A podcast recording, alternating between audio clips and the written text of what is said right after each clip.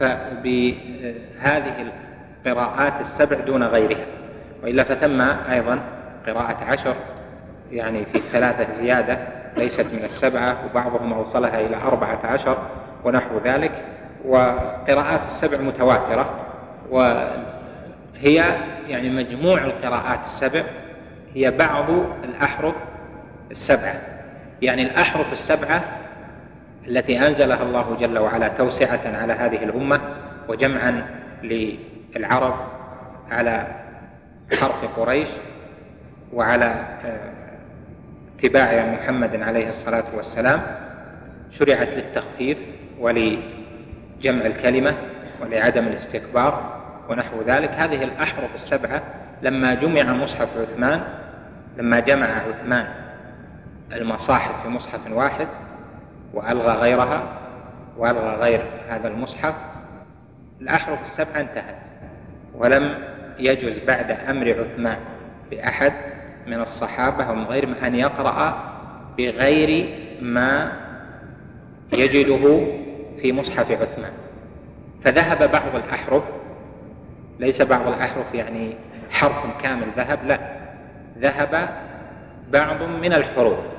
يعني بعض الحرف الأول ذهب وبعض الحرف الثاني ذهب وبعض الحرف الثالث ذهب وبعض الحرف الرابع ذهب وبعض الخامس ذهب وبعض السادس ذهب وبعض السابع ذهب وبقي بعض كل حرف في مصحف عثمان لاحتمال القراءة. لأن القراءة لأن مصحف عثمان كتب بلا نقط ولا شكل لم ينقط ولم يشكل لأن النقط والتشكيل والت... إلى آخره هذا إنما جاء في زمن تأخر يعني في زمن الحجاج ويوسف ومن بعده تيسيرا. فلما كانت الأحرف غير منقوطة والكلمات غير مشكولة لا شك أن كل صحابي سيقرأ بما يعلمه من الحرف الذي أقرأه رسول الله صلى الله عليه وسلم. ولن يقرأ بحرف آخر يقرأ بالحرف. فإذا كان الحرف الذي يقرأ به تحت يحتمله الرسم فإنه يقرأ فإذا ذهب بعض ما عنده فالتزم بحرف قريش الذي كتب به المصحف وترك بعضا ترك بعضا وقرأ ببعض ما عنده. لهذا العلماء قسموا الأحرف السبعة قسموا القراءات السبع والقراءات العشر يعني من حيث الأداء قسموا الاختلاف فيها إلى قسمين. اختلاف في الأصول واختلاف الفرش. الفرش في الكلمات في نطق الكلمات يعني من جهة التشكيل والاختلاف مثلا بشرا نشرا سدا سدا ونحو ذلك. واختلاف في الأصول الذي هو في المد وفي الميم وفي الإدغام يعني وأشباه ذلك مما يلتزمه القارئ في كل قراءته. وهذا بحث طويل في اتصال الأحرف السبع بالقراءات السبع لكن المهم الذي آه، ينبغي التأكيد عليه في هذا الموطن أنه تسمية بعض القراء بالقراء السبعة هذا اجتهاد. اجتهاد من العلامة المقرئ الحافظ ابن مجاهد في كتابه السبعة وهو كتاب مطبوع. والعلماء أخذوا اختياره بالقبول لكن ينتبه طالب العلم لأنه لا صلة بين السبعة والأحرف السبعة فهذا اتفاق في في العدد دون اتفاق في الحقيقة. نعم نقرأ. بسم الله الرحمن الرحيم. الحمد لله رب العالمين والصلاة والسلام على أشرف الأنبياء والمرسلين نبينا محمد وعلى آله وصحبه أجمعين. قال العلامة الطحاوي رحمه الله تعالى ولا نخوض في الله ولا نماري في دين الله ولا نجادل في القرآن ونشهد أنه كلام رب العالمين نزل به الروح الأمين فعلمه سيد المرسلين محمدا صلى الله عليه وسلم وهو كلام الله تعالى لا يساويه شيء من كلام المخلوقين ولا نقول بخلقه ولا نخالف جماعة المسلمين. أحسن. الحمد لله رب العالمين. وبعد فهذه الجملة من هذه العقيدة التي ألفها العلامة أبو جعفر الطحاوي رحمه الله قال فيها ولا نجادل في القرآن ونشهد أنه كلام رب العالمين نزل به الروح الأمين فعلمه سيد المرسلين محمدا صلى الله عليه وسلم وهو كلام الله تعالى لا يساويه شيء من كلام المخلوقين ولا نقول بخلقه ولا نخالف جماعة المسلمين. وهذه الجملة مشتملة على عقيدة مباركة عظيمة في القرآن. والقرآن الإيمان به فرض وركن الإيمان لأن من أركان الإيمان الإيمان بكتب الله المنزلة وأعظمها الكتاب الذي جعله الله مهيمنا على كل كتاب وهو هذا القرآن العظيم. فالإيمان به ركن الإيمان والإيمان به عند أهل السنة والجماعة يشمل الإيمان بأنه كلام الله تعالى وأنه منزل من رب العالمين وأن محمدا عليه الصلاة والسلام علمه علمه إياه جبريل وجبريل سمعه من رب العالمين جل جلاله وتقدست أسماؤه وأن هذا القرآن لا يشبهه شيء من كلام المخلوقين لا يماثله ولا يدانيه. وأنه غير مخلوق لأنه صفة الله جل جلاله وصفات الله سبحانه وتعالى كذاته العلية هو سبحانه الخالق جل وعلا وغيره مخلوق. وهذا التقرير من العلامة الطحاوي مأخوذ من النصوص الكثيرة في الكتاب والسنة التي تدل على هذه الأصول. كقوله جل وعلا ولقد نعلم أنهم يقولون إنما يعلمه بشر لسان الذي يلحدون إليه أعجمي وهذا لسان عربي مبين. وكقوله جل وعلا قل نزله روح القدس من ربك بالحق. وكقوله سبحانه وإنه لتنزيل رب العالمين نزل به الروح الأمين. على قلبك لتكون من المنذرين بلسان عربي مبين. وكقوله جل وعلا وإن أحد من المشركين استجارك فأجره حتى يسمع كلام الله ثم أبلغه مأمنه. وغير ذلك من الآيات التي فيها أن القرآن كلام الله وأنه منزل من عنده وأن جبريل عليه السلام هو الذي نزل به على قلب محمد عليه الصلاة والسلام. والمجادلة في القرآن دلت السنة على أنها مذمومة ومحرمة. وذلك كما روى مسلم في الصحيح أن النبي عليه الصلاة والسلام خرج عليهم يوما وهم يتجادلون في القرآن. هذا ينزع بآية وهذا ينزع بآية فكأنما فقئ, فقئ في وجهه حب الرمان يعني من الغضب. عليه الصلاة والسلام. فقال لهم اقرأوا القرآن ما ائتلفت عليه قلوبكم فإذا اختلفتم فقوموا أو كما جاء عنه عليه الصلاة والسلام. وقد جاء أيضا أن نبينا عليه الصلاة والسلام نهى أن يجهر بعض الناس على بعض في القراءة وذلك لأجل التأدب مع القرآن وألا تكون القراءة سببا للتخاصم أو للمجادلات يعني بسبب القرآن أو في القرآن. والمراء مذموم مطلقا سواء أكان بحق أو بغير حق وهو المراد به نصرة النفس والاستعلاء. ولو كان في القرآن. فلا نجادل في القرآن يعني في أدلته ولا نجادل في القرآن في صفته بل نسلم للقرآن أنه كلام الله جل وعلا ونستسلم بدليل الرحمن جل وعلا. فالقرآن آيات الرب سبحانه وتعالى. فالتجادل بالاختلاف في القرآن المبني على الأهوى هذا ليس من صفة أهل الإيمان.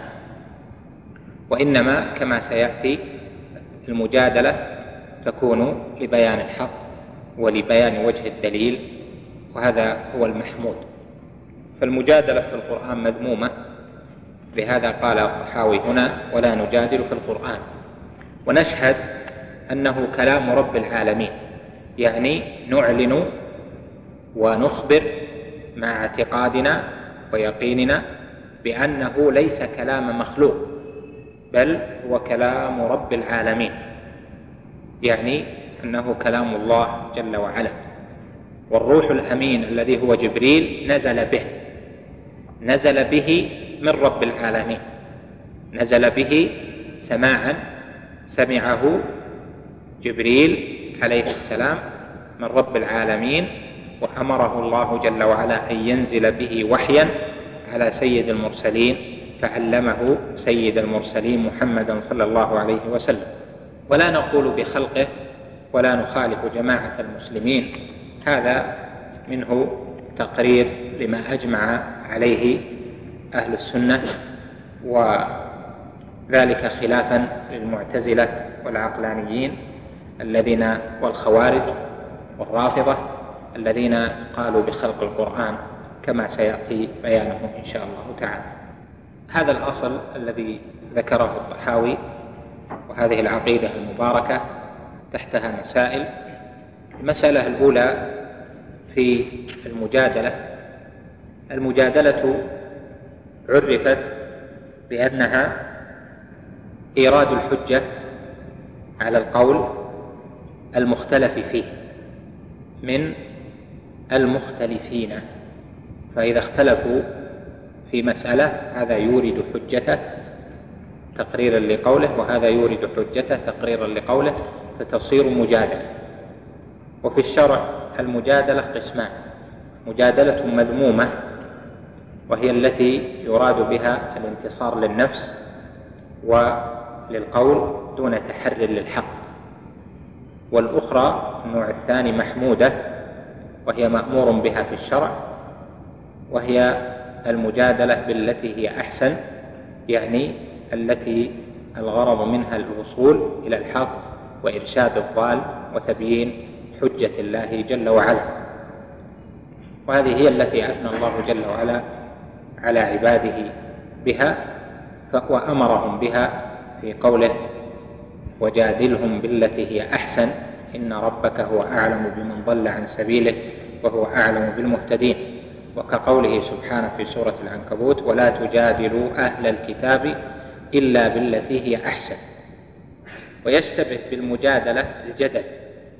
والجدل قال بعض أهل العلم إنه هو المجادلة لأنه مأخوذ من الجدل جدل الحبل وهو لف بعضه على بعض كأن الأقوال التف بعضها على بعض من الإيراد والأظهر أن الجدل نوع من الخصومة لكن لم يمدح في القرآن فذمه الله جل وعلا في قوله ولما ضرب ابن مريم مثلا إذا قومك منه يصدون وقال فيها قال ما ضربوه لك إلا جدلا بل هم قوم خصمون ما ضربوه لك إلا جدلا يعني في ذلك ذم لهذا لهذا الإيراد لأنهم ما أرادوا مجادلة ولا أرادوا دفعا للشبهة أو الوصول إلى الحق وإنما هو جدل.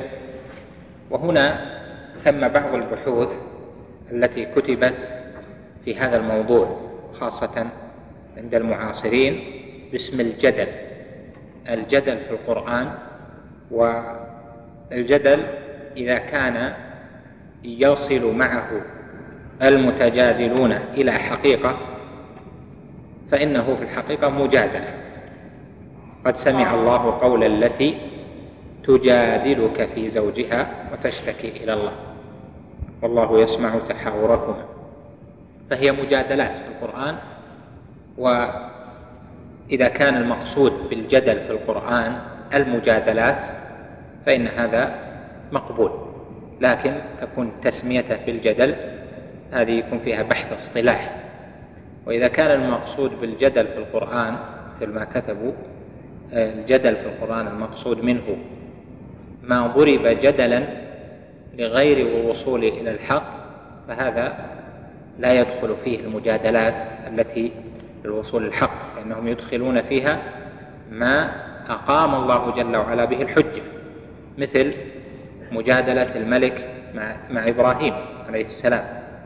في قوله ألم ترى إلى الذي حاج إبراهيم في ربه أن آتاه الله الملك هذه يدخلونها في الجدل. فقوله هنا ولا نجادل في القرآن المجادلة كما ذكرنا إذا كانت بالتي هي أحسن للوصول إلى الحق هذه مطلوبة شرعا وأمر الله جل وعلا بها عباده.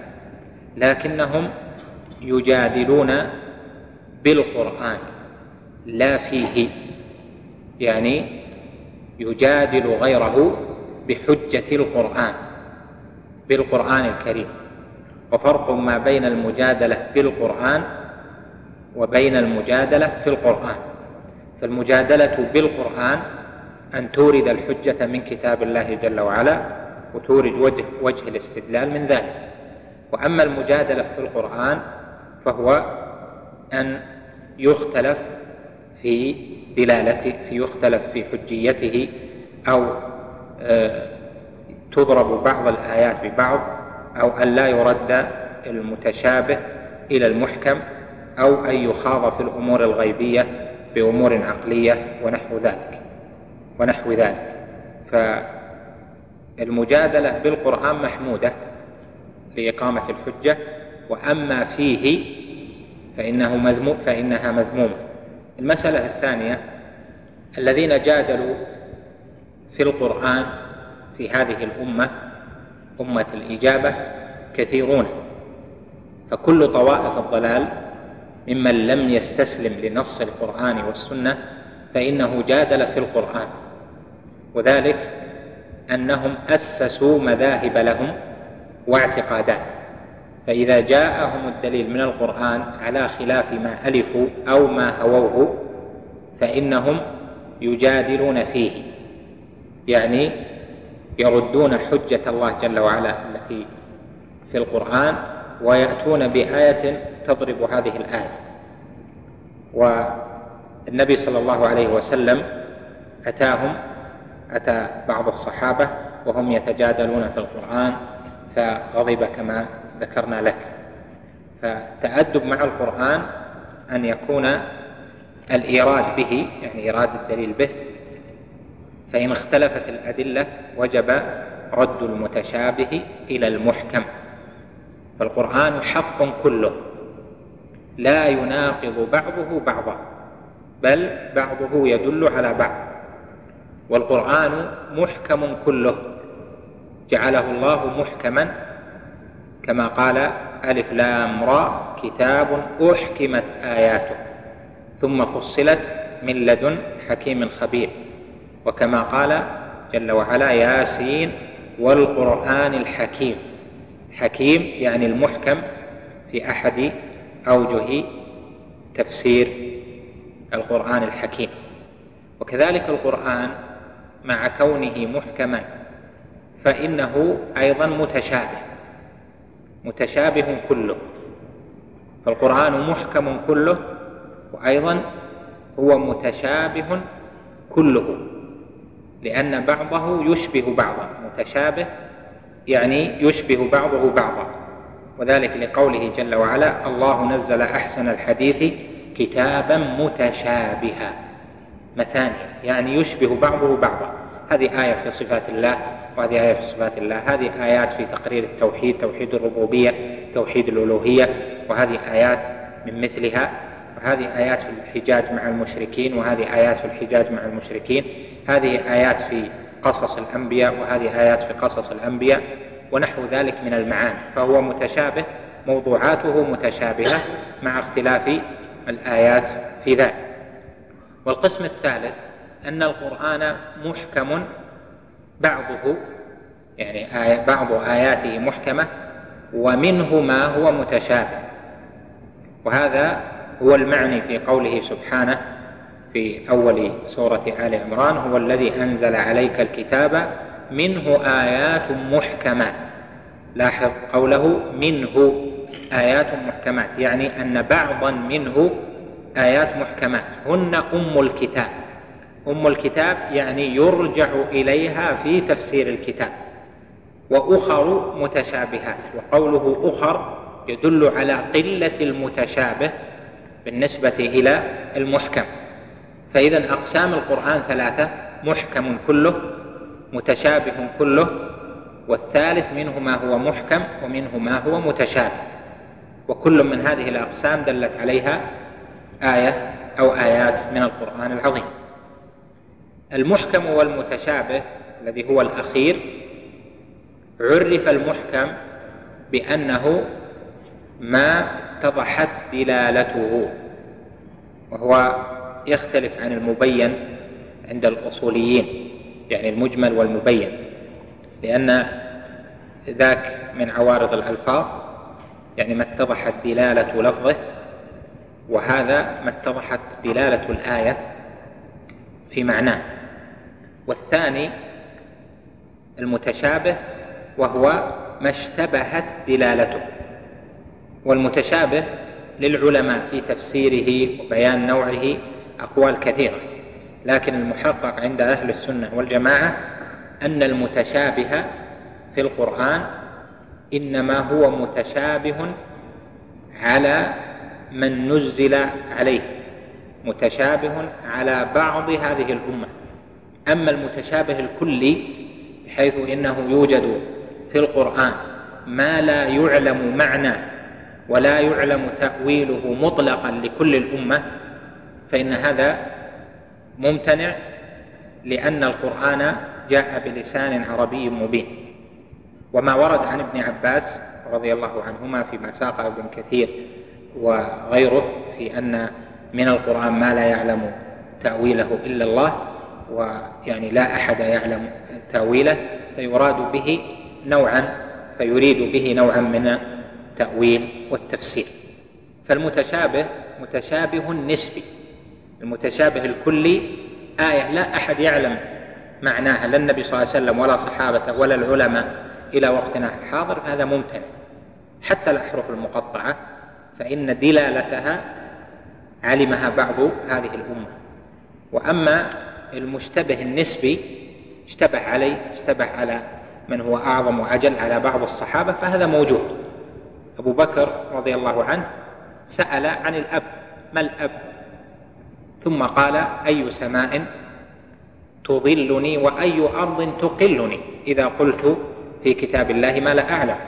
عمر رضي الله عنه سأل الصحابة عن بعض الآيات وابن عباس خفي عليه بعض الآيات فسأل عنه وهكذا. فالمتشابه النسبي الذي يشتبه معناه يشتب تشتبه دلالته إما لعدم معرفة معنى اللفظ أو لمعارضة آية لها أخرى تحتاج إلى تأمل فإن هذا يكون نسبيا. مثل ما سئل ابن عباس أن الله جل وعلا أخبر أنه يوم القيامة أنهم أن الناس يوقفون فيسألون وقفوهم إنهم مسؤولون. وفي آيات أخرى أخبر الله جل وعلا أنهم لا ينطقون ولا يسألون ونحو ذلك. فكيف يجمع بينهما؟ هذا هذا متشابه. يعني آيات يشتبه معناها فيجمعها الطحاوي هنا ونهى عنها أئمة أهل السنة جميعا القرآن لهذا أثنى الله جل وعلا على الراسخين في العلم بأنهم يردون المتشابه إلى المحكم. ويقولون آمنا ما علمتنا معنى آية ما علمت معنى سورة معنى آية. ما علمت وجهها ما علمت كيف تجيب عن الإشكال الوارد عليها. فنقول آمنا به كل من عند ربنا. ونعلم أن كلام الله جل وعلا محكم وذلك كما قال سبحانه أفلا يتدبرون القرآن؟ ولو كان من عند غير الله لوجدوا فيه اختلافا كثيرا. لكن الله ابتلى الأمة بوجود المتشابه لينظر كيف تسلم وتستسلم لكتاب الله جل وعلا. فالمقصود من ذلك أن أصل الضلال في الفرق وجد من المجادلة في القرآن. والمجادلة في القرآن بأنهم اعتمدوا المتشابه ولم يرجع المتشابه إلى المحكم. فالخوارج إنما خرجت بالمجادلة في القرآن. جادلوا في القرآن. فجاءهم ابن عباس رضي الله عنه فجادلهم بالقرآن. فقالوا كيف يحكم علي؟ كيف يحكم علي الرجال؟ والله جل وعلا يقول فالحكم لله العلي الكبير. فقال ابن عباس لهم إن الله جل وعلا سمى بعض الرجال حكما فقال فإن خفتم شقاق بينهما فابعثوا حكما من أهله وحكما من أهلها وحاجهم في ذلك حتى رجع معه ثلث أو أكثر من الخوارج. المرجئة القدرية المعتزلة كلهم لم يعتمدوا القرآن كله وإنما جادلوا فيه. فيدخلون في عموم قوله وجادلوا بالباطل ليدحضوا به الحق. المسألة الثالثة قال ونشهد أنه كلام رب العالمين إلى قوله لا يساويه شيء من كلام المخلوقين. هذا فيه تقرير لعقيدة أهل السنة بأن القرآن كلام الله. قد مر معنا تفصيل الكلام على هذه الجملة من جهة كون القرآن كلاما لله تفاصيل الأقوال في ذلك. وأهل السنة يعتقدون أن القرآن حروف وكلمات وجمل وآيات وسور وأنه ألفاظ ومعاني وأن هذه جميعا من الله جل وعلا. فالقرآن كلام الله جل وعلا بحروفه ومعانيه. تكلم به الحق جل جلاله فسمعه منه جبريل عليه السلام فبلغه لنبيه عليه الصلاة والسلام كما سمع. والقرآن الذي بلغه جبريل محمدا عليه الصلاة والسلام هو القرآن المسموع كلام الله المسموع وليس كلام الله المكتوب لأن القرآن كتبه الله جل وعلا في اللوح المحفوظ فقال جميعا كتب القرآن جميعه في اللوح المحفوظ.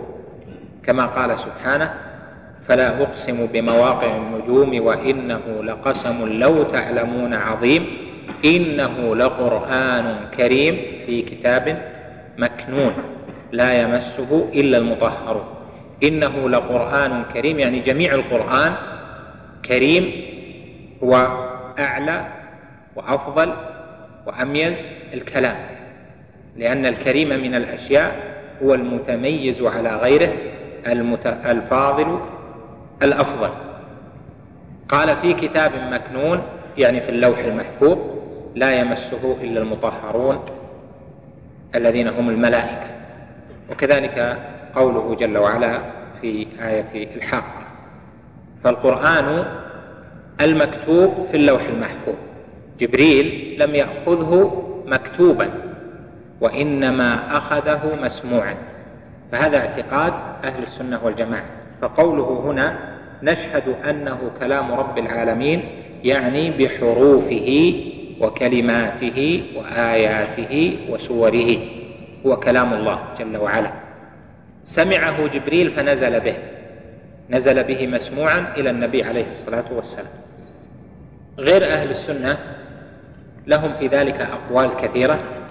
يأتي آه، ذكر تعداد لها عند قوله ولا نقول بخلق.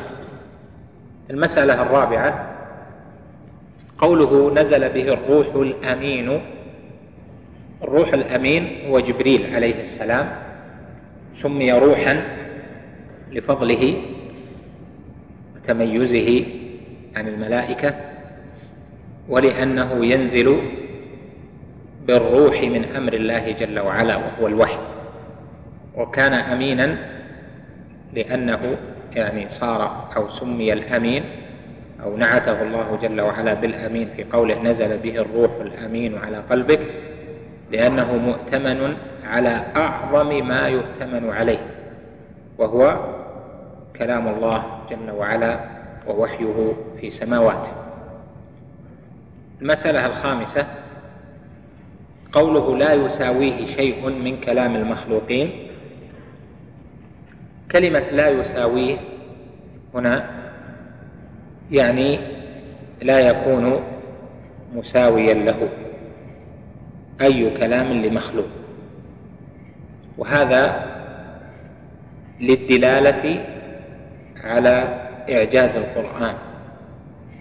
ولهذا أكد بعد قوله كلام رب العالمين قال وهو كلام الله تعالى لا يساويه شيء من كلام المخلوقين.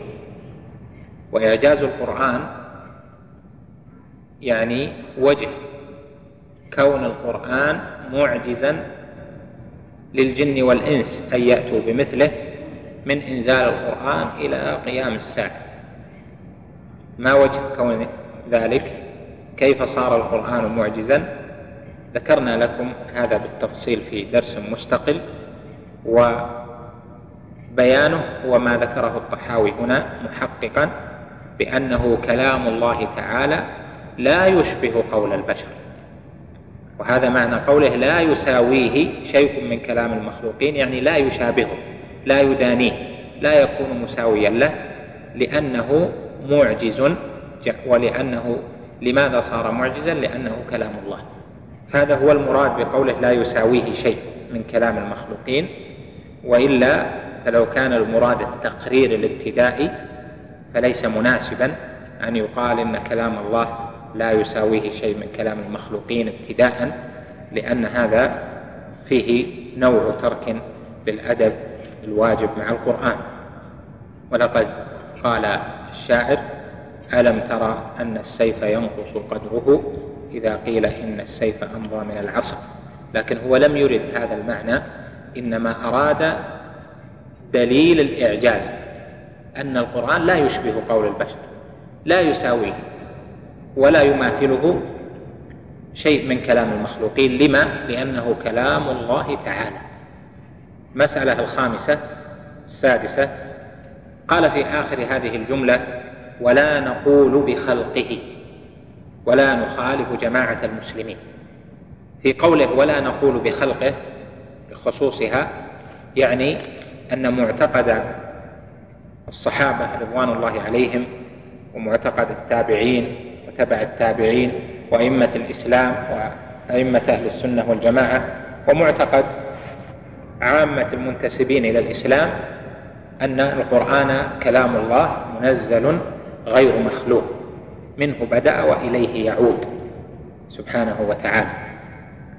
وأن القول بخلقه ضلال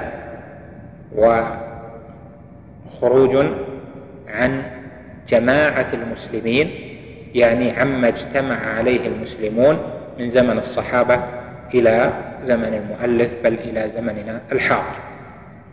والقول بخلق القرآن هذه عقيدة فتن بها كثيرون لكنهم شواذ وقلة بالنسبة لعموم الأمة. أول ما نشأ القول بخلق القرآن من جهة الجعد بن درهم ثم الجهم بن صفوان ثم أخذه المعتزلة فنصروه واستدلوا له. القول بخلق القرآن الكلام عليه يطول جدا ومما يؤسف له ويجب جهاده أيضا أن بعض الضلال والمفتونين بدأوا ينشرون لهذه الفكرة عن طريق بعض وسائل الإعلام والقنوات والمناقشة فيها. القول بخلق القرآن كما نشرته بعض الإذاعات فيما ذكر لي في مناظرات تتصل بذلك. وجعل الناس يعني العامة يتكلمون في هذه المسألة وهي فتنة مشابهة للفتنة الأولى من حيث الابتداء. فأسأل الله جل وعلا أن يكبت شر من يريد صرف الأمة عن حسن الاعتقاد وإضلال عامة المسلمين. من قال بخلق القرآن طوائف في هذه الأمة منهم الجهمية والمعتزلة والخوارج والرافضة. والخوارج اليوم يوجد منهم طائفة الإباضية وهم من أخف فرق الخوارج قولا واعتقادات ويوجدون في أكثر من مكان في العالم الإسلامي في الجزيرة وفي ليبيا وفي الجزائر وفي أنحاء أخرى. ولهم كتب كثيرة ومصنفة في العقيدة وفي الفقه يعني تبلغ عشرات المجلدات أو أكثر.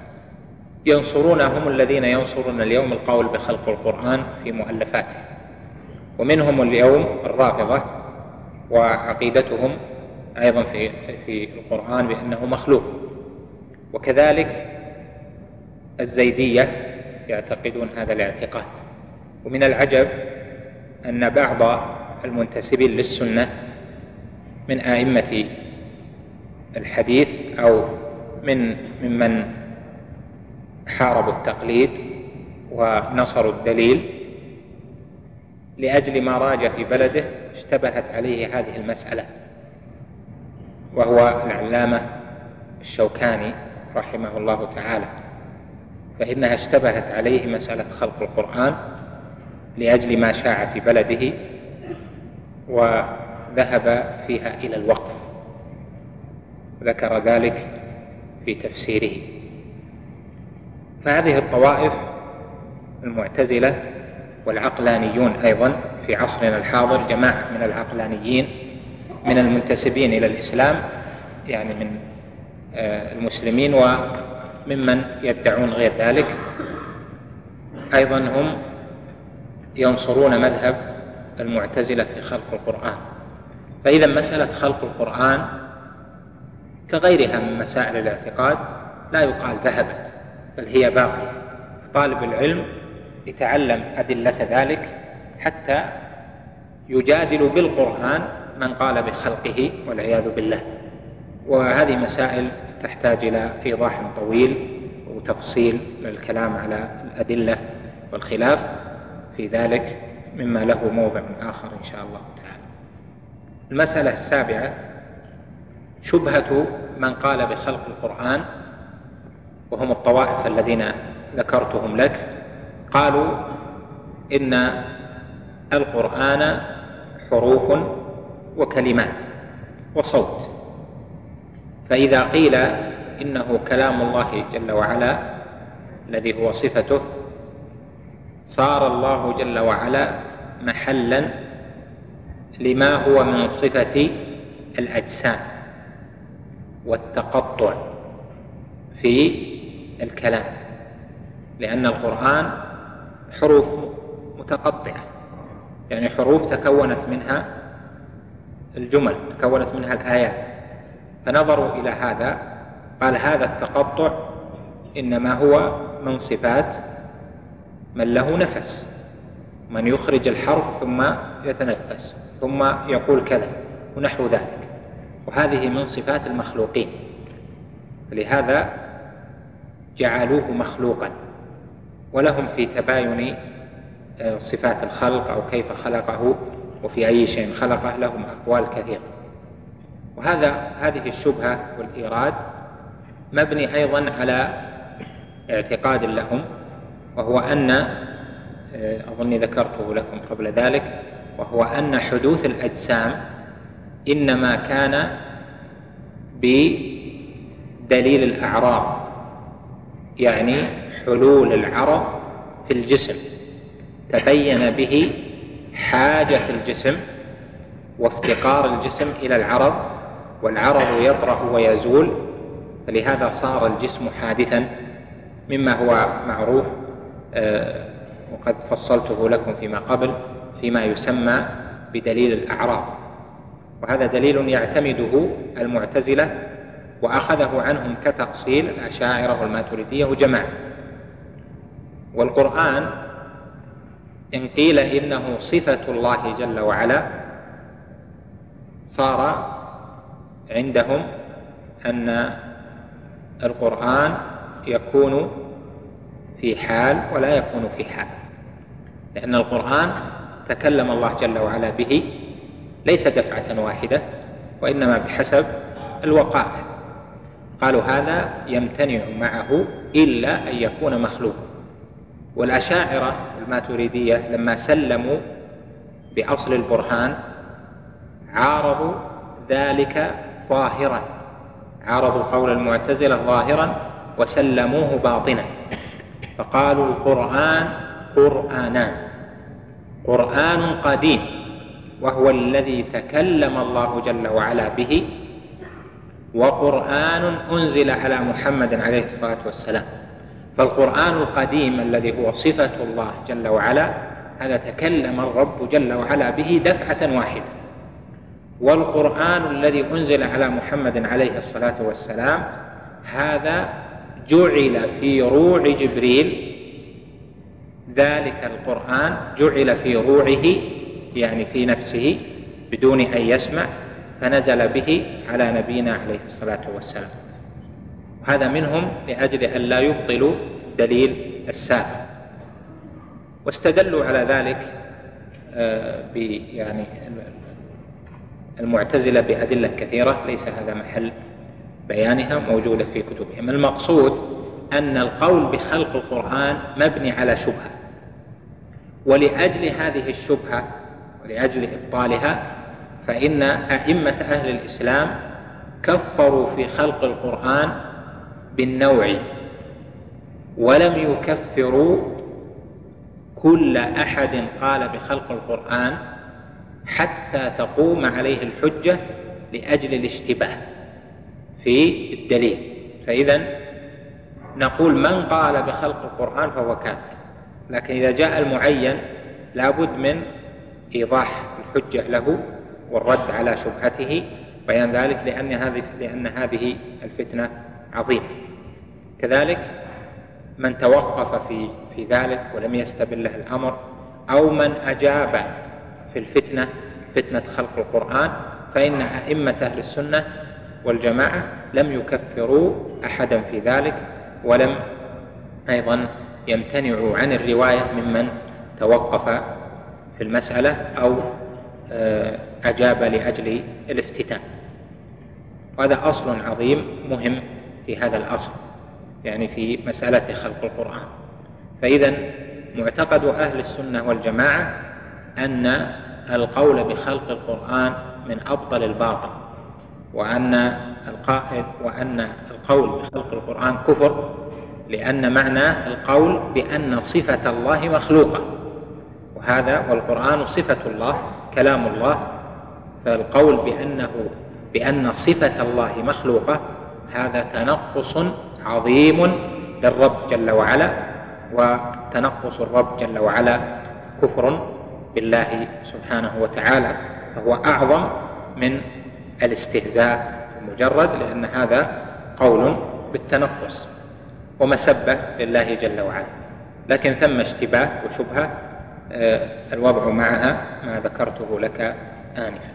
أما الأشاعرة والماتريدية ومن نحى نحوهم فهم يردون على المعتزلة وعلى العقلانيين وعلى الخوارج وعلى الرافضة في مسألة خلق, خلق القرآن.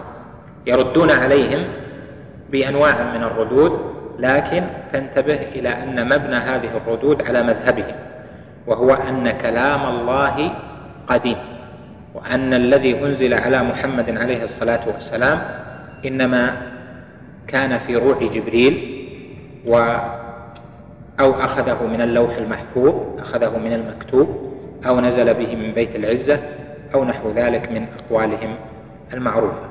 المسألة الثامنة في قوله ولا نخالف جماعة المسلمين. جماعة المسلمين هذه الكلمة من الكلمات العظيمة التي ترد في كتب أهل السنة والجماعة وفي عقائدهم. والجماعة عندهم يراد بها نوعان. النوع الأول جماعة الدين والنوع الثاني جماعة الأبدان. وكل منهما التزامه وكل منهما مطلوب التمسك به. جماعة المسلمين في دينهم وجماعة المسلمين في أبدانهم. وقد فصلت لك الأقوال في ذلك في أول شرح الواسطية يمكن أن ترجع إليه. الازدياد من هذا الموضوع. الجماعة تقابلها الفرقة. والفرقة يعني لماذا قسمناها إلى جماعة دين وجماعة البدن جماعة الأبدان؟ لأنه جاء في النصوص الأمر بلزوم الجماعة وجاء في النصوص النهي عن الفرقة. والنهي عن الفرقة جاء النهي عن الفرقة في الدين والنهي عن الفرقة في الأبدان كما في قوله جل وعلا أن أقيموا الدين ولا تتفرقوا فيه.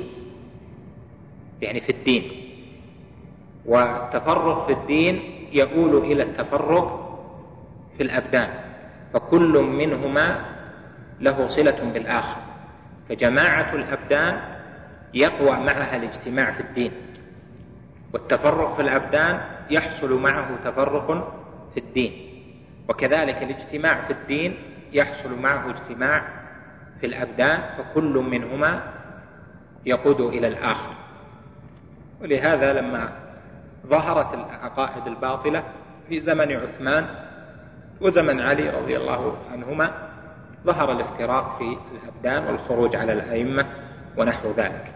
فهذه وهذه كل منهما يؤول إلى الآخر.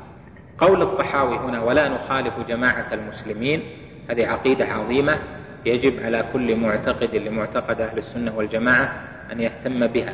فجماعة المسلمين جماعة الدين واجب التزامها. عدم الخروج عما كان عليه الصحابة رضوان الله عليهم وعما كان عليه السلف الصالح وأئمة الإسلام. وكذلك جماعة الأبدان بلزوم إمام المسلمين وولي أمرهم وعدم شق الطاعة والسمع والطاعة في المعروف هذا واجب أيضا الاجتماع عليه والائتلاف على ذلك. وهذا هو الذي كان عليه أئمة أهل الإسلام رحمهم الله تعالى. فإذا من خالف في عقيدة من عقائد الإسلام في الواقع خالف جماعة المسلمين. جماعة المسلمين كانت على شيء قبل أن تفسد الجماعة. كانوا على شيء في زمن الصحابة. رضوان الله عليهم ولذلك آه، تعلمون ما ذكره ابن القيم في أول إغاثة اللهفان وذكره غيره من أن الرجل الواحد قد يكون في زمن من الأزمان هو الجماعة. متى؟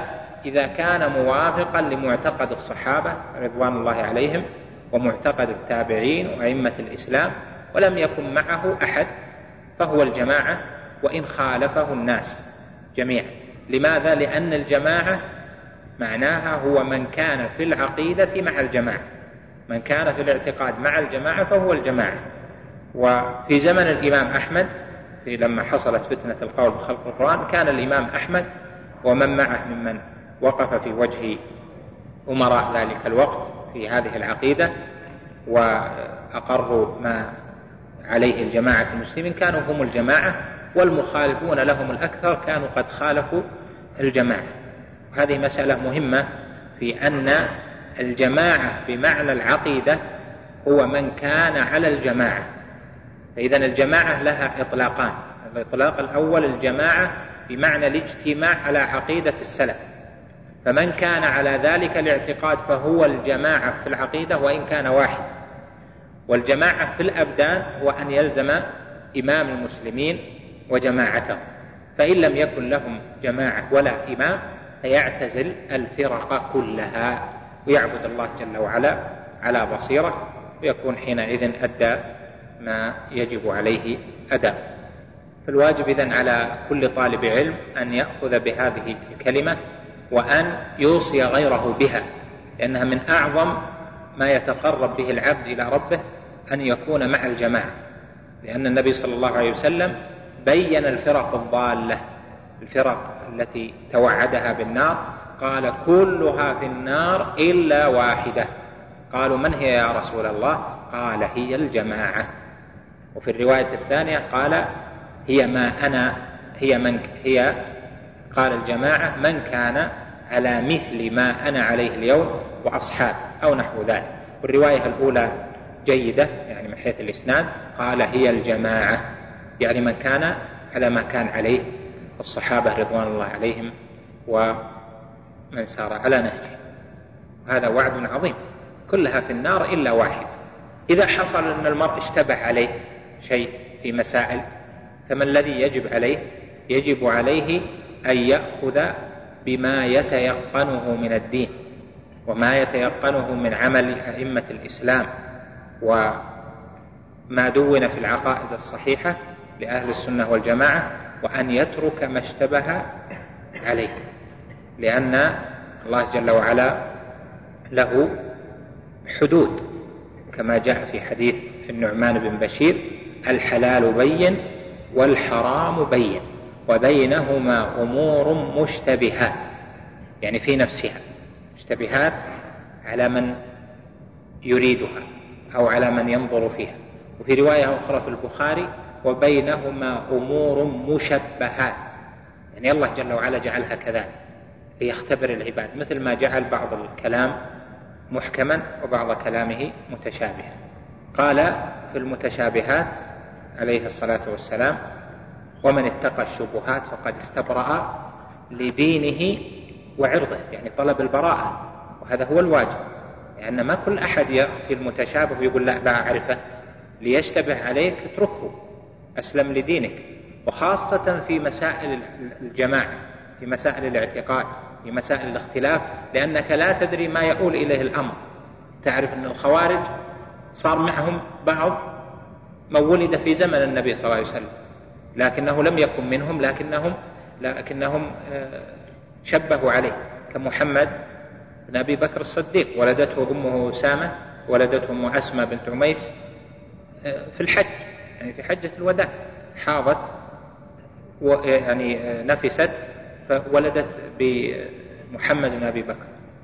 يعني ولد في زمن النبي صلى الله عليه وسلم وحصل أنه أتى لعثمان لقوة الاشتباه أتى لعثمان بعد أن تسلق عليه البيت وهو يتلو القرآن فشده بلحيته وقال له يعني وعظه عثمان فبكى محمد آه، بن أبي بكر الصديق رضي الله عنه فبكى وترك ذلك تركهم.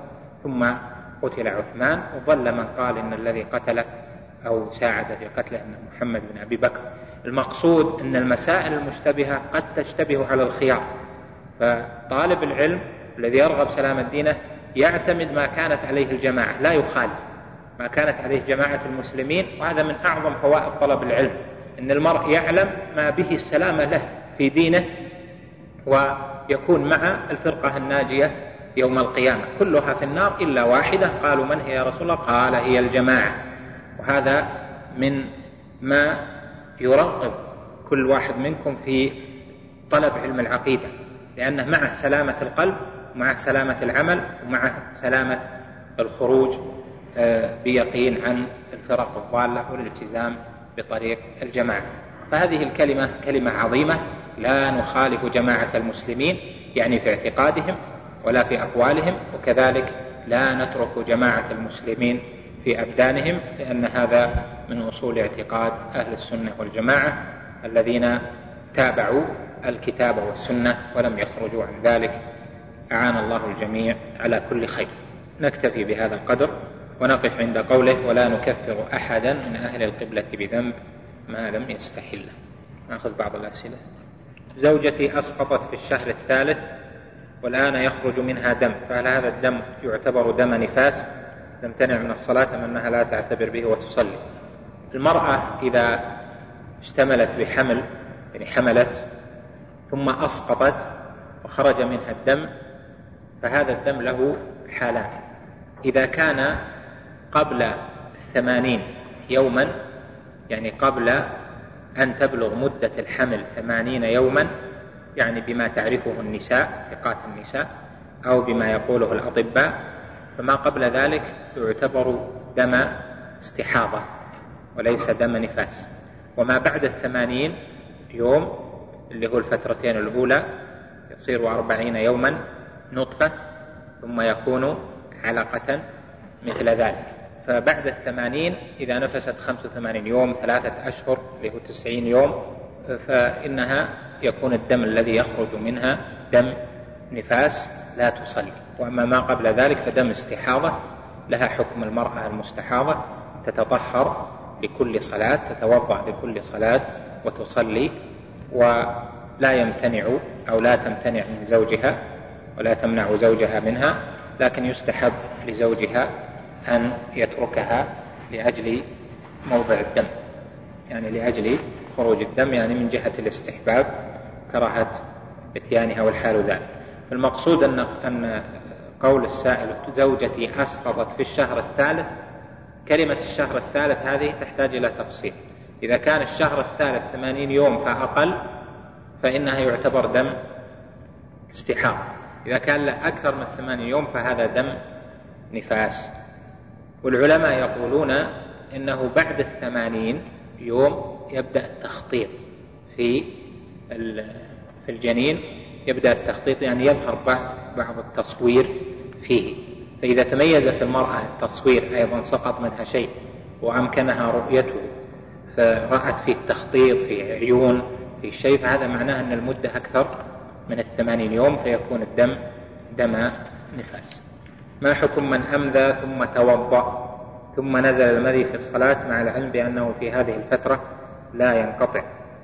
من أمذى المذي نجس لأمر النبي صلى الله عليه وسلم بغسل الذكر والأنثيين منه وهو أيضا خروج نجاسة وأيضا ينقض الوضوء لأمر النبي صلى الله عليه وسلم بالتوضؤ منه لأن عليا أمر المقداد أن يسأل النبي صلى الله عليه وسلم لأنه كان يعني عليا مذاء فقال فيه الوضوء أو قال يغسل ذكره ويتوضأ أو نحو ذلك اختلاف الروايات. المذي نجس في نفسه وهو خروجه ينقض الوضوء. فقوله ما حكم من أمذى ثم توضأ ثم نزل المذي منه هذا ناقض الوضوء. يجب عليه أنه يغسل آه، ذكره مرة أخرى و آه، يعني الموضع الذي تلوث بالمذي ويتوضأ من جديد. في آخره يقول مع أن في هذه الفترة لا ينقطع إذا كان معه سلس في المذي دائم يسيل منه فهذا قد يكون يعني له حكم من حدثه دائم. إذا كان حدثه دائم يتوضأ مرة واحدة الوضوء كان يعرف دائم من نفسه إذا خرج للصلاة ينظر المذي يخرج منه دائما فهذا حدثه دائم يتوضأ مرة واحدة ويكفي. شخص تعود إلقاء السلام على الجالسين في المسجد في كل فريضة فأنكر عليه بعض الجالسين بأن هذا الاستمرار على السلام بدعة فهل المنكر على حق؟ السلام على الناس آه، في المسجد اختلف فيه أهل العلم على قولين. الأول أنه يشرع أو أنه لا بأس به وذلك لأن ابن مسعود أتى النبي صلى الله عليه وسلم وهو يصلي فسلم عليه. فرد عليه النبي صلى الله عليه وسلم السلام بالإشارة ووضع اليد. وظاهره أنه كان في المسجد لقدوم ابن مسعود من من الهجرة. واستدلوا له أيضا بعموم قوله عليه الصلاة والسلام إذا أتيتم المجلس فسلموا. ثم إذا قمتم فسلموا فليست الأولى فليست الأولى بأحق من الآخرة. والمسجد يدخل في كونه مجلسا كما قال ما جلس قوم مجلسا يذكرون فيه يتلون كتاب الله ويتدارسونه بينهم. إلا غشيتهم الرحمة إلى آخر. فالمسجد مجلس فاستدلوا بعموم الحديث على آه، مشروعية السلام في ذلك للعموم.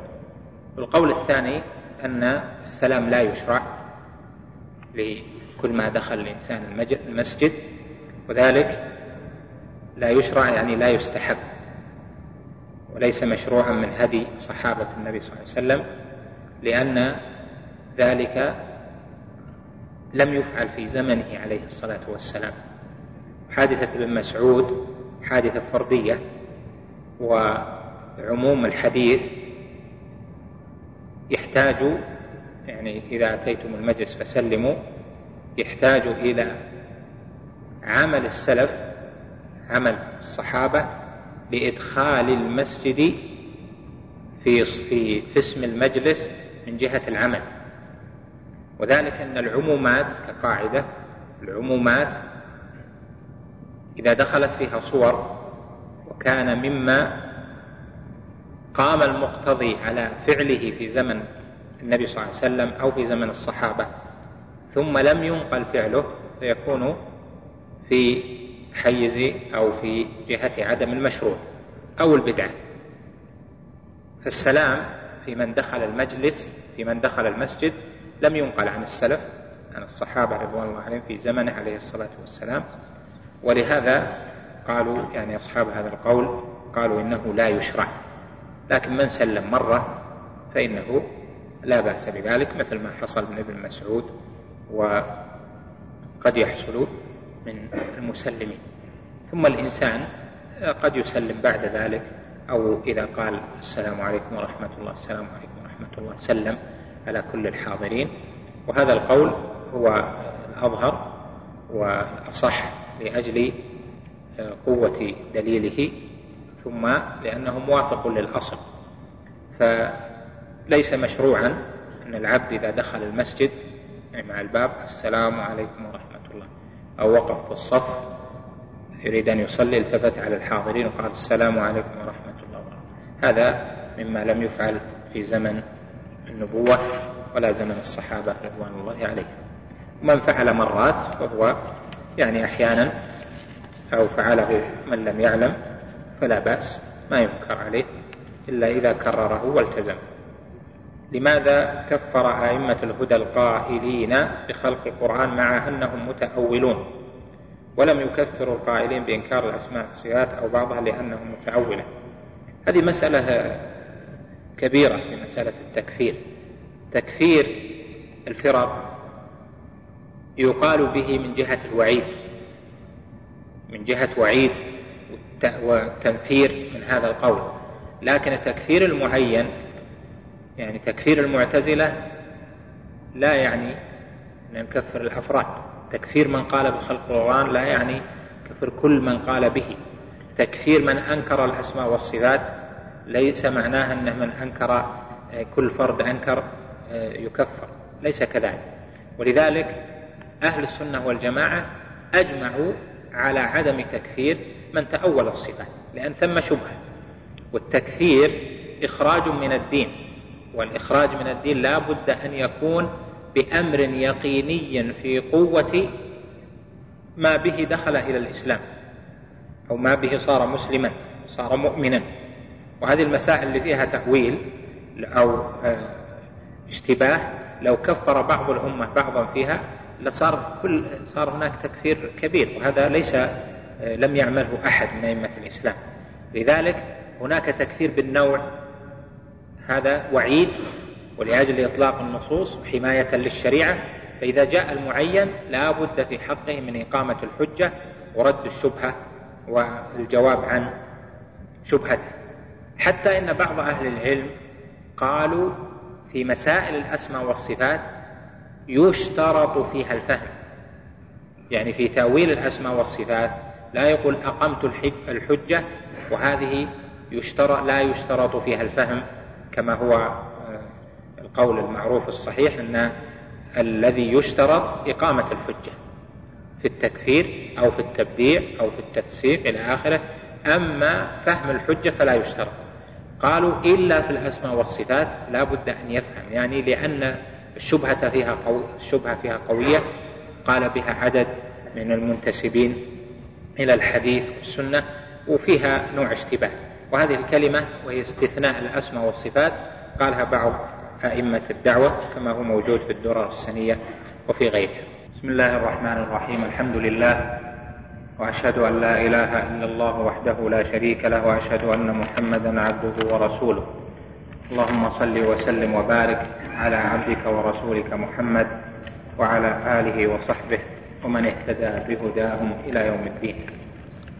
السؤال يقول كيف نجمع بين حديث أبي هريرة؟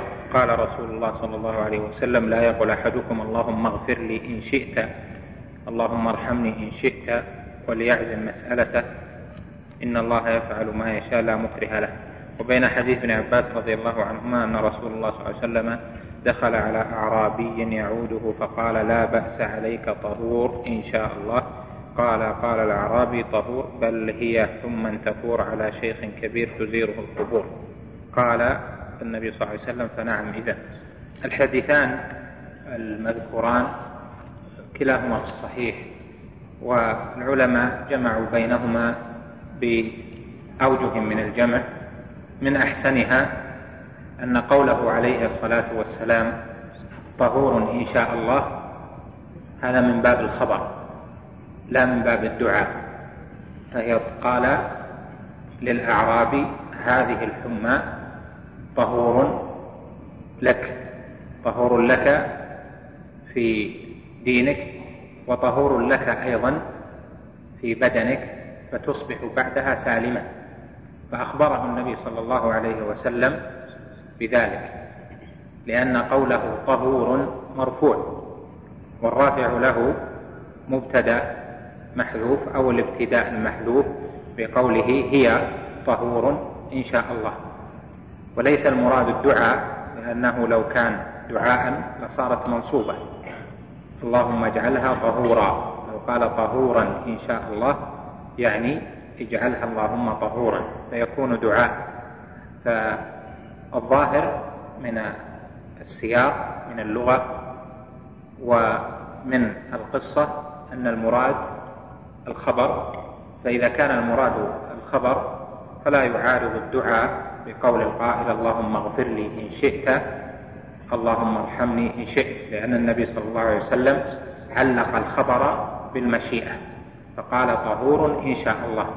كما قال جل وعلا لتدخلن المسجد الحرام إن شاء الله آمنين وكقوله جل وعلا ادخلوا مصر إن شاء الله فقوله اغفر لي إن شئت هذا تعليق للدعاء بالمشيئة. والله جل وعلا لا مستكره له يفعل ما يشاء ويحكم ما يريد في خلقه جل جلاله. الوجه الثاني وهو وجه حسن أيضا أن قول الداعي اللهم اغفر لي إن شئت هذا على جهة المخاطبة اغفر لي إن شئت. وأما إذا كان على جهة الغيبة فإنه لا بأس به. فلو قال غفر الله له إن شاء الله. هذا أخف من التعليق بالمواجهة. اغفر لي اللهم اغفر لي إن شئت اللهم ارحمني إن شئت لأن المخاطبة تقتضي الذل والتقرب إلى الله جل جلاله بما يحبه من نعوت جلاله وصفاته ومدحه سبحانه والثناء عليه وتعليق بالمشيئة فيه نوع استغناء. فلهذا قال في آخره فإن الله يفعل ما يشاء لا مكره له وقال إن الله لا مستكره له. وهذا الوجه الثاني قال به بعض أهل العلم ولكنه ليس في القوة كالأول فالأول ظاهر والثاني آه، قيل به وليس هو المختار. هل تعدد الجماعات مثل تعدد الآراء في المسألة الفقهية الواحدة؟ إذا كان يقصد بالجماعات الجماعات الإسلامية التي ظهرت في هذا الزمن فليس ذلك مثل تعدد الآراء في المسألة الفقهية الواحدة لأن تعدد الآراء في المسألة الفقهية الواحدة هذا إذا كان مورده الاجتهاد فإن كل واحد من القائلين في المسألة الفقهية يؤجر على اجتهاده. فيما اجتهد فيه لأن المسألة موردها الاجتهاد. كذلك في المسائل التي ينزع فيها المجتهد إلى دليل هو مأجور كما قال عليه الصلاة والسلام إذا اجتهد الحاكم فأصاب فله أجران وإذا اجتهد فأخطأ فله أجر واحد. يعني أجر على اجتهاده والثاني له أجر على اجتهاده وأجر على إصابته الحق. وأما الجماعات الإسلامية الموجودة الآن فهي تختلف في طريقتها تختلف في أصولها تختلف في مبادئها وأهدافها إلى آخر ذلك. والأصل الواجب على كل مسلم أن يلزمه هو لزوم جماعة المسلمين قبل أن يحدث الافتراق. فإن الافتراق الحادث في الأمة لا يجوز إقراره ومعالجته بإحداث جماعات جديدة. فالواجب على المسلمين جميعا لزوم الجماعة قبل أن تفسد الجماعة. والجماعة التي هي على الحق لم يتركها الله جل وعلا لم يبينها ولم يتركها رسوله صلى الله عليه وسلم لم يبينها بل بينها الله جل وعلا بقوله ومن يشاقق الرسول من بعد ما تبين له الهدى ويتبع غير سبيل المؤمنين نوله ما تولى ونصله جهنم وساءت مصيرا المراد بالمؤمنين هنا الصحابة لأنهم هم المقصودون بذلك في وقت تنزل هذه الآية ويتبع غير سبيل المؤمنين يعني صحابة رسول الله صلى الله عليه وسلم. وبين ذلك الأمر نبينا عليه الصلاة والسلام بقوله وستفترق هذه الأمة على ثلاث وسبعين فرقة كلها في النار إلا واحدة قالوا من هي يا رسول الله؟ قال هي الجماعة. وفي رواية أخرى قال هم الغرباء. في رواية ثالثة قال من كان على مثل ما أنا عليه اليوم وأصحابي إلى غير ذلك. وهذا يدل على أن الجماعة موجودة في زمن الصحابة ثم وهي موجودة في زمن التابعين وموجودة يحملها أئمة السلف وأئمة الإسلام. امتثالا لقول نبينا صلى الله عليه وسلم لا تزال طائفة من أمتي على الحق ظاهرين. لا يضرهم من خذلهم ولا من خالفهم حتى يأتي أمر الله وهم على ذلك أو كما قال عليه الصلاة والسلام. فالواجب على كل مسلم يريد سلامة في دينه وأن يكون ممن وعده النبي صلى الله عليه وسلم بأن يكون من الفرقة الواحدة التي لم تأخذ سبيل الثنتين وسبعين فرقة أن يلزم أمر الجماعة قبل أن تفسد الجماعة. وهذا من أعظم مقاصد الدين العظيمة التي يمتثلها العبد في قوله تعالى التي يمتثلها العبد بامتثال قوله تعالى وأن هذا صراطي مستقيما فاتبعوه. ولا تتبعوا السبل فتفرق بكم عن سبيله. ذلكم وصاكم به لعلكم تتقون. فالعبد المؤمن يلزم هذه الطريقة وكيف يلزمها؟ بتعلم هذه العقيدة المباركة. فإن دروس العقيدة والمحاضرات في التوحيد والعقيدة هي التي تنقلك إلى الالتزام بطريقة الجماعة الأولى قبل أن تفسد الجماعة. ولهذا ففتش أنت بنفسك وستجد أن من خالف أمر الجماعة الأولى فإنه لا بد وأحدث شعارات جديدة وأهداف وآراء وكتبا غير كتب السلف في هذه المسائل ستجد أنه خالف شيئا من أمور الاعتقاد ولا بد. فاذا خالف طريق الجماعة قبل أن تفسد الجماعة. وهذه مسألة مهمة فتعدد الجماعات ليس مثل تعدد الفقهاء بل الواجب على جميع أمة الإسلام أن يعتصموا بحبل الله جميعا ولا يتفرق ولا يتفرق.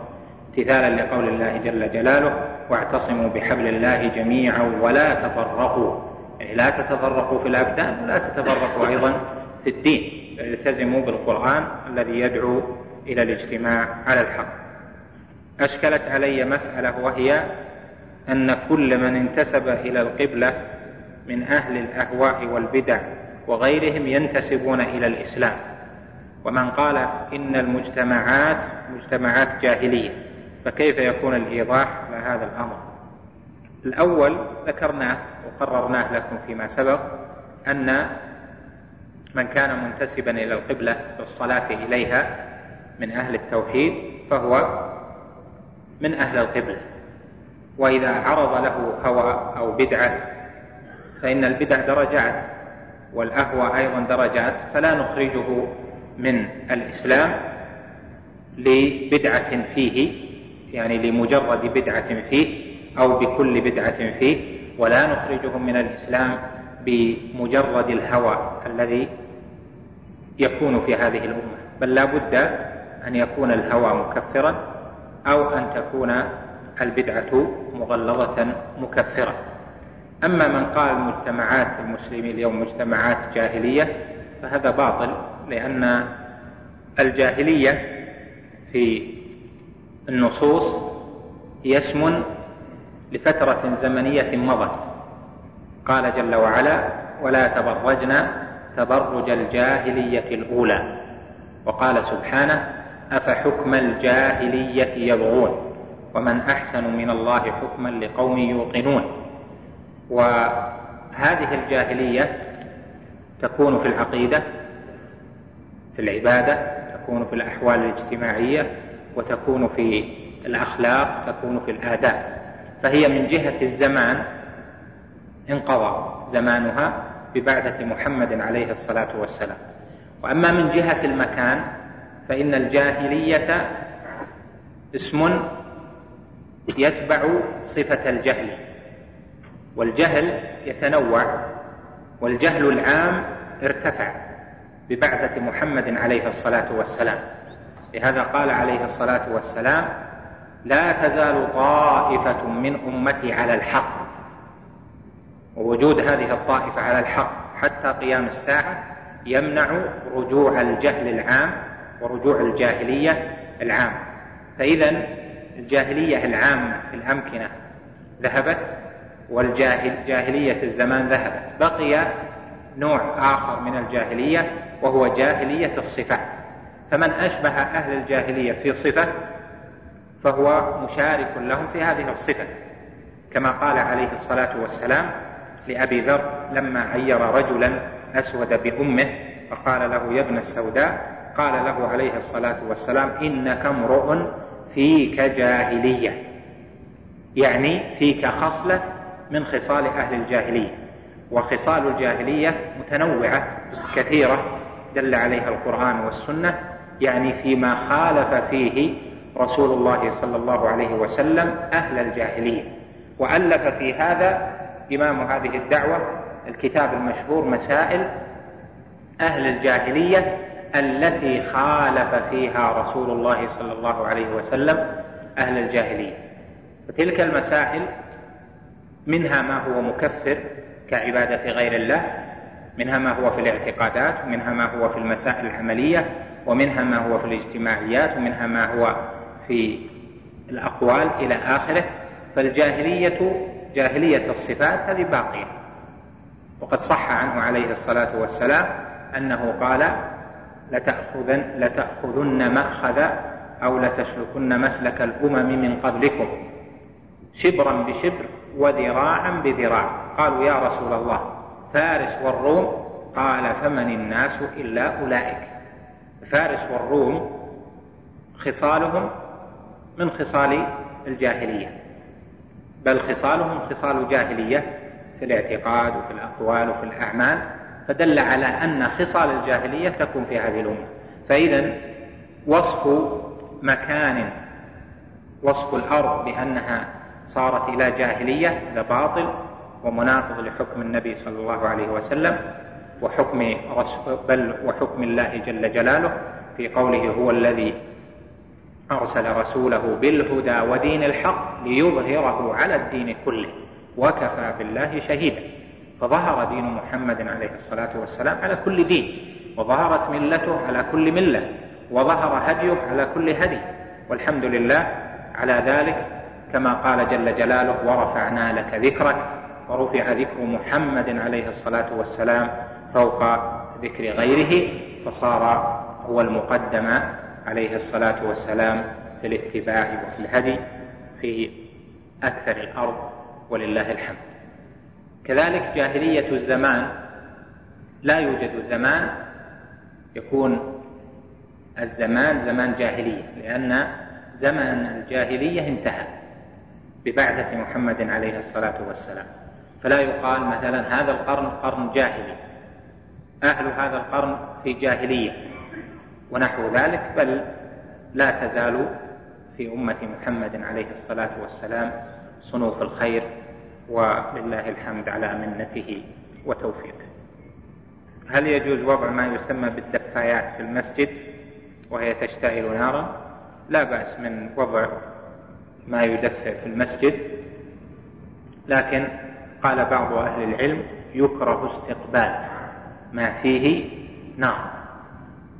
يكره استقبال ما فيه نار أو ما عبد من دون الله يعني لأن النار عبدت عبدها المجوس فكرهوها لأجل نوع المشابهة. لكن هذه الكراهية وهو مذهب الحنابلة ليست بجيدة بل الصواب الجواز استدل البخاري رحمه الله على الجواز لأن النبي صلى الله عليه وسلم عرضت له الجنة وهو يصلي وعرضت له النار. فتراجع لما صارت النار أمامه عليه الصلاة والسلام فيستدل بذلك على أن هذا النهي أو يعني هذه الكراهة التي ذهب إليها طائفة من أهل العلم أن الصواب الجواز لعدم الدليل الواضح على الكراهة ولورود الدليل من فعله عليه الصلاة والسلام. نكتفي بهذا. أقرأ. بسم الله الرحمن الرحيم. الحمد لله رب العالمين والصلاة والسلام على أشرف الأنبياء والمرسلين نبينا محمد وعلى آله وصحبه أجمعين. قال العلامة الطحاوي رحمه الله تعالى ولا نكفر أحدا من أهل القبلة بذنب ما لم يستحله ولا نقول لا يضر مع الإيمان ذنب. الحمد لله وبعد. هذه الجملة من كلام العلامة الطحاوي رحمه الله من الأصول العظيمة في معتقد أهل السنة والجماعة أنهم لا يكفرون أحدا من أهل القبلة بمجرد حصول الذنب منه إلا إذا استحله باعتقاد كونه حلالا له أو حلالا مطلقا. وكذلك أنهم لا يخففون أمر الذنوب بحيث يجعلون الذنب غير مؤثر في الإيمان. لهذا قال تقريرا لهذا الأصل العظيم ولا نكفر أحدا من أهل القبلة بذنب ما لم يستحله ولا نقول لا يضر مع الإيمان ذنب لمن عمله. وهذه الجملة من كلامه أراد بها أن حصول الذنب من أهل القبلة لا يعني تكفيره كما ذهبت إلى ذلك الخوارج. وحصول الذنب من أهل القبلة لا يعني أن هذا المؤمن لم يتأثر بحصول الذنب منه كما تقوله المرجئة. فخالف بهذا القول الخوارج والمعتزلة وخالف أيضا المرجئة. وهذه المسألة لا شك أنها من المسائل العظيمة جدا وهي مسألة التكفير تكفير المنتسب إلى القبلة الذي ثبت إسلامه وإيمانه. إذا حصل منه ذنب فإن قاعدة أهل السنة والجماعة أن من دخل في الإسلام والإيمان بيقين لم يخرجه منه مجرد ذنب حصل منه ولا يخرجه منه كل ذنب حرمه الشارع بل لا بد في الذنوب العملية من الاستحلال بأن يعتقد أن هذا الذنب أن هذا العمل منه حلال له وليس بذنب وأنه ليس بمحرم. وهذا هو طريقة أهل السنة والجماعة بأنهم لا يكفرون بل يخطبون أو يضللون أو يفسقون.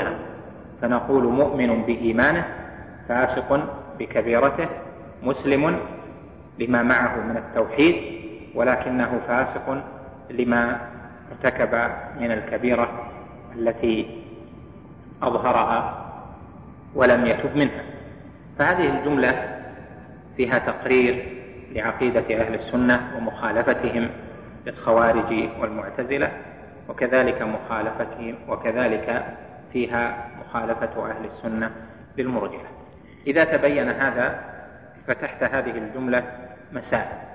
المسألة الأولى في الدليل دليل أهل السنة والجماعة على أن من أصاب ذنبا من أهل القبلة فإنه لا يكفر.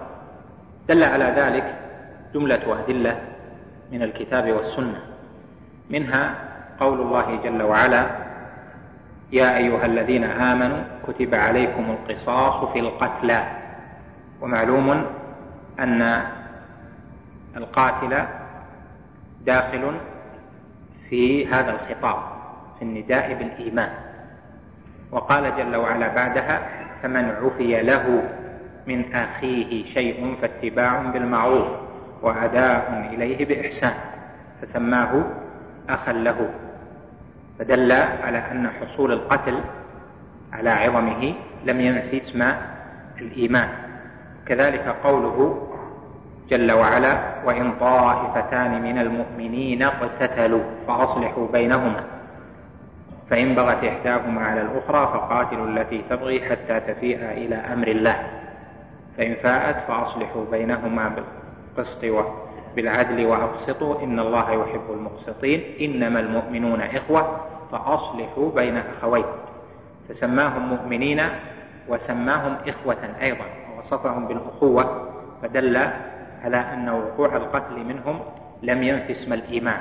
مع قوله جل وعلا ومن يقتل مؤمنا متعمدا فجزاؤه جهنم خالدا فيها وغضب الله عليه ولعنه. فأثبت له جهنم وعيدا وغضب الله جل وعلا عليه واللعنة ومع ذلك لم ينف عنه اسم الإيمان. فدل على أن وقوع الكبيرة من من المسلم لا يسلب عنه الإيمان فوقوع الذنب ليس مبيحا لإخراج هذا المذنب من أصل الإسلام إلى الكفر. ويدل على ذلك أيضا قول النبي عليه الصلاة والسلام في الحديث الذي رواه البخاري وغيره حينما أتي برجل من الصحابة يقال له حمار. شرب الخمر فجلده ثم شربها ثانية فأتي به فجلده ثم لما أتي به الثالثة قال رجل لعنه الله ما أكثر ما يؤتى به. فقال نبينا عليه الصلاة والسلام لا تقولوا ذلك فإنه يحب الله ورسوله. فدل على أن وجود المحبة الواجبة لله جل وعلا ولرسوله صلى الله عليه وسلم مع حصول الكبيرة مانع من لعنه وهذا يعني أنها مانع من تكفيره ومن إخراجه من الدين من باب الأولى. كذلك قال الله جل وعلا يا أيها الذين آمنوا لا تتخذوا عدوي وعدوكم أولياء تلقون إليهم بالمودة. فناداهم باسم الإيمان مع حصول الذنب منهم وهو الإلقاء بالمودة إلى عدو الله جل وعلا وعدو رسوله صلى الله عليه وسلم. فدل على أن إلقاء المودة بأمر الدنيا ليس مخرجا من اسم الإيمان بل يجتمع معه. قال تعالى في آخر الآية ومن يفعله منكم فقد ضل سواء السبيل. وفي قصة حاطب بن أبي بلتع في إسراره للكفار بخبر رسول الله صلى الله عليه وسلم ما يدل على وقوع الذنب منه وعلى مغفرة الذنب له لأنه من أهل بدر. قال عليه الصلاة والسلام في حقه لعل الله اطلع إلى أهل بدر فقال اعملوا ما شئتم قد غفرت لكم. في رواية الثانية إن الله اطلع إلى أهل بدر فقال اعملوا ما شئتم فقد غفرت لكم. والأدلة على هذا الأصل عند أهل السنة والجماعة كثيرة. ومما يدل عليه من جهة النظر أن الكبائر كالسرقة والزنا شرب الخمر والقتل ونحو ذلك شرعت فيها ولها الحدود. كذلك القذف شرعت لها الحدود. والحدود مطهرة والمرتد يقتل على كل حال. ووجود الحدود أخي المستمع الكريم تابع ما تبقى من مادة هذا الشريط على الشريط التالي. مع تحيات تسجيلات الراية الإسلامية بالرياض هاتف رقم أربعة تسعة واحد واحد تسعة ثمانية خمسة. والسلام عليكم ورحمة الله وبركاته.